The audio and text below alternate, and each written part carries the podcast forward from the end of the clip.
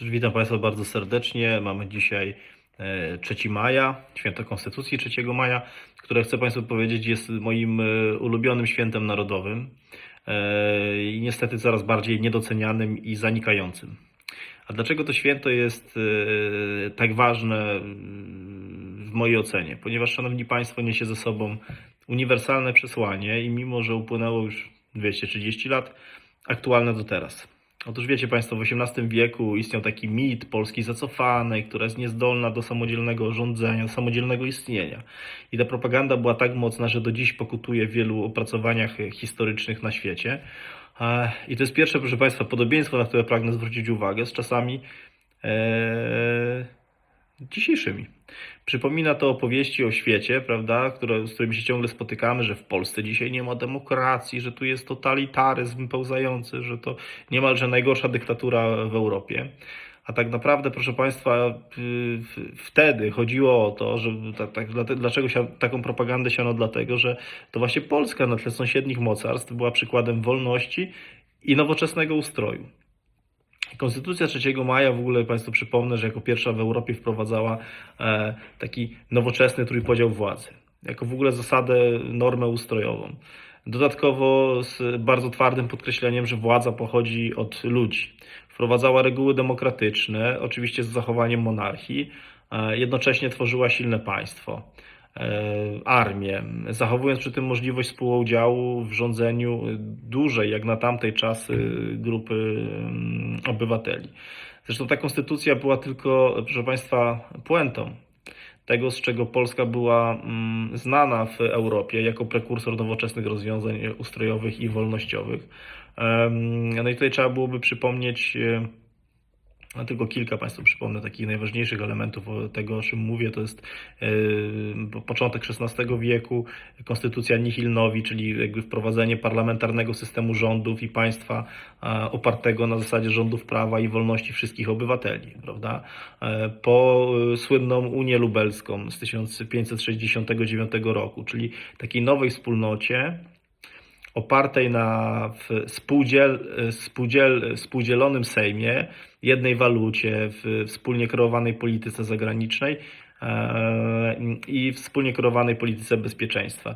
Zresztą, jak Państwo wiecie, to y, nawet y, y, instytucje unijne uznały, że to jest jedna z takich y, bardzo istotnych y, w ogóle w historii mm, Europy punktów, a za słynnym Janem Pawłem II, e, prawda, mówi się, że e, od Unii Lubelskiej do Unii Europejskiej, dlatego że to był pierwszy taki przykład, gdzie dwa państwa stworzyły, no można powiedzieć wtedy wspólne państwo, ale z własnej woli, nie, że jedno państwo podbiło drugie, podzieliły się kompetencjami, prawda, równymi, to było i dlatego mówi się, że e, to jest taki pierwszy, że to był taki prekursor Unii Europejskiej i to tworzyli, proszę Państwa, Polacy.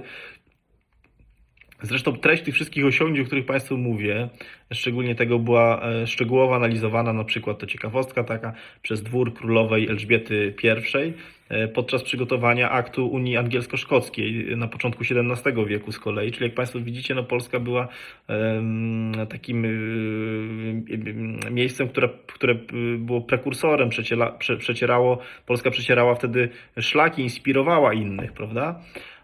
No i wreszcie jakby tutaj z takich jeszcze chyba istotnych i wartych wspomnienia Konfederacja Warszawska w 1573 roku, która w ogóle wprowadzała zasadę tolerancji religijnej. Mówiąc o tym, że prawda, że wprowadzamy toler- tolerancję wyznań chrześcijańskich wieloetnicznej i wielowyznaniowej Rzeczypospolitej. I wtedy na tamte czasy uznano, że to jest wręcz kamiel, kamień milowy, jeżeli chodzi o akty prawne. E, I na przykład ten akt e, z, e, z 1573 roku, warszawski, e, został umieszczony na liście UNESCO Memory of the World International Register, której celem jest sklasyfikowanie obiektów o światowym znaczeniu historycznym bądź cywilizacyjnym. No i proszę Państwa, i wszystkie te osiągnięcia na tle rodzącego się wokół Polski absolutyzmu były wyjątkowe. Znaczy, wiecie Państwo, bo to wszędzie było tak, że to szlachcica, prawda, w tych yy, państwach sąsiednich, to szlachcica to można było w każdej chwili ściąć, prawda, wsadzić do więzienia bez żadnego jakiegoś większego powodu. Natomiast w Polsce ten stan był wyjątkowo duży, prawda, stanowiący około 10% społeczeństwa demokratycznie współdecydował o wielu sprawach, prawda? A gdzieś indziej to to byli tacy, których można było. I to jest, y, i, i tu Polska się już wtedy wyróżniała tym takim zaciągiem wolnościowo-demokratycznym.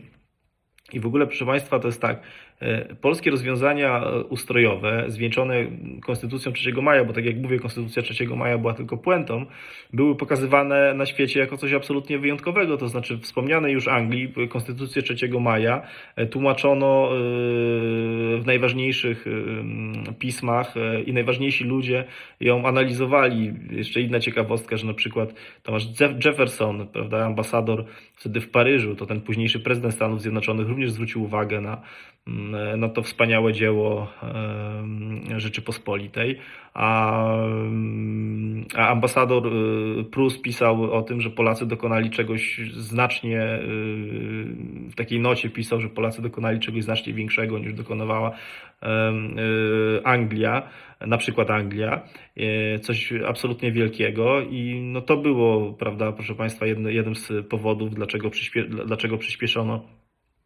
zabory w Polsce. A żeby, to było, żeby tego wszystkiego było mało, to dodatkowo to wszystko osiągnięto w sposób pokojowy, a nie na przykład krwią i zbrodniami, jak we Francji w tym czasie. Dlatego, jak Państwo wiecie, ja również wielokrotnie o tym mówiłem, jak podczas tych naszych rozmów yy, internetowych, że to każdy wie, że pierwsza Rzeczypospolita miała swoje słabości, ale na tle sąsiednich yy, mocarstw była oazą wolności. Oazą wolności. I dlatego, proszę Państwa, tak Polskę zniesławiano. Podobnie, podobnie dzisiaj. Prawda? Polska jest oazą wolności. Na, e, wystarczy porównać na przykład, nie wiem, zachowania francuskiej i polskiej policji, e, czy zachowania prawda, w Niemczech, e, gdzie wszystkie media potrafiły cenzurować gwałty dokonane przez imigrantów w czasie Sylwestra. No w Polsce to by było prawda, w ogóle nie do pomyślenia, żeby wiele dni jakby coś, co by, taka zbrodnia się wydarzyła, a a żadne media, wszystkie media były blokowane, żeby to pokazać, prawda? E, czy na przykład e, w Niemczech, które pouczają, nam zresztą, pouczają nas zresztą o praworządności, jak sędzia niedawno, Państwo słyszeliście pewnie o tej sprawie, wydał zły wyrok, który się nie podobał władzy, to od razu mu nasłano prokuraturę i zrobiono przeszukanie, zajęto telefon, prawda? A u nas, jak sędziowie sobie mają inne zdanie niż politycy, to zamiast, e, to przecież nikt nie zajmuje im mieszkań i telefonów i tak dalej, tylko dostają ochronę państwa, jak chcą manifestować zamiast pracować, prawda? Dlatego to to jest te, te wręcz niesamowite, prawda? 230 lat minęło i y, można by było powiedzieć, wiele problemów w relacjach y, y, polskiej opozycji, można by było tak to nazwać, z zagranicznymi zwierzchnikami są bardzo podobne. No dobrze, no ale jak Państwo wiecie, Konstytucja 3 maja, maja przetrwała tylko około 14 miesięcy, bo e, ludzie uważani wtedy za polską inteligencję, to też jest, prawda, bardzo dużo podobieństw do czasów dzisiejszych, ale ci ludzie uważani wtedy za, bo ta targowica cała, no to to byli ludzie generalnie uważani wtedy za polską inteligencję. Poprosili o zewnętrzną interwencję, bo uważali, że tylko oni mogą w Polsce przywrócić co? Te zewnętrzne siły? praworządność. 230 lat minęło i, i, i, i tutaj wojska obce wprowadzano również e, pod pretekstem przy restauracji praworządności, która rzekomo miała być złamana przez twórców Konstytucji 3 maja, prawda? No i trzeba sobie zadać pytanie, no czy rzeczywiście dzisiaj jest inaczej, czyli na przykład jak dzisiaj Platforma czy SLD, czy jak Platformie czy SLD nie idzie, to czy oni przypadkiem y, też nie żądają interwencji zewnętrznej, żeby Unia Europejska na przykład zabrała Polsce środki, odebrała kolejne kompetencje, prawda? E, jeżeli nie potrafią sami przekonać y, y, wyborców, jeżeli im nie idzie w kraju, to też znów odwołują się do sił zewnętrznych, prawda? I to jest tak, że proszę Państwa, wtedy potężne siły zewnętrzne, miały zainstalowane w Polsce, w pierwszej Rzeczypospolitej, wiele swoich zasobów, w tym swoje gazetki, publikacje, aby mieszać Polakom w głowach. No i proszę Państwa, też trzeba sobie zadać pytanie, czy dzisiaj jest inaczej. Prawda? No nie, no nie jest inaczej. Dokładnie dzisiaj mamy też e, polskojęzyczne e, portale, telewizje, gazety, które mają Polakom mieszać w głowach, prawda? I pokazywać, że e, budować ten kompleks niższości, tego, że Polacy są gorsi, prawda? No i jak Państwo wiecie, no, Polska po Konstytucji 3 maja zniknęła, bo była podzielona na tych, co chcieli silnej Polski i na zwolenników polskiej inteligencji, jak to mówiłem, którzy pod płaszczykiem praworządności i demokracji, skąd to znamy, prawda, wysługiwali się obcym mocarstwom.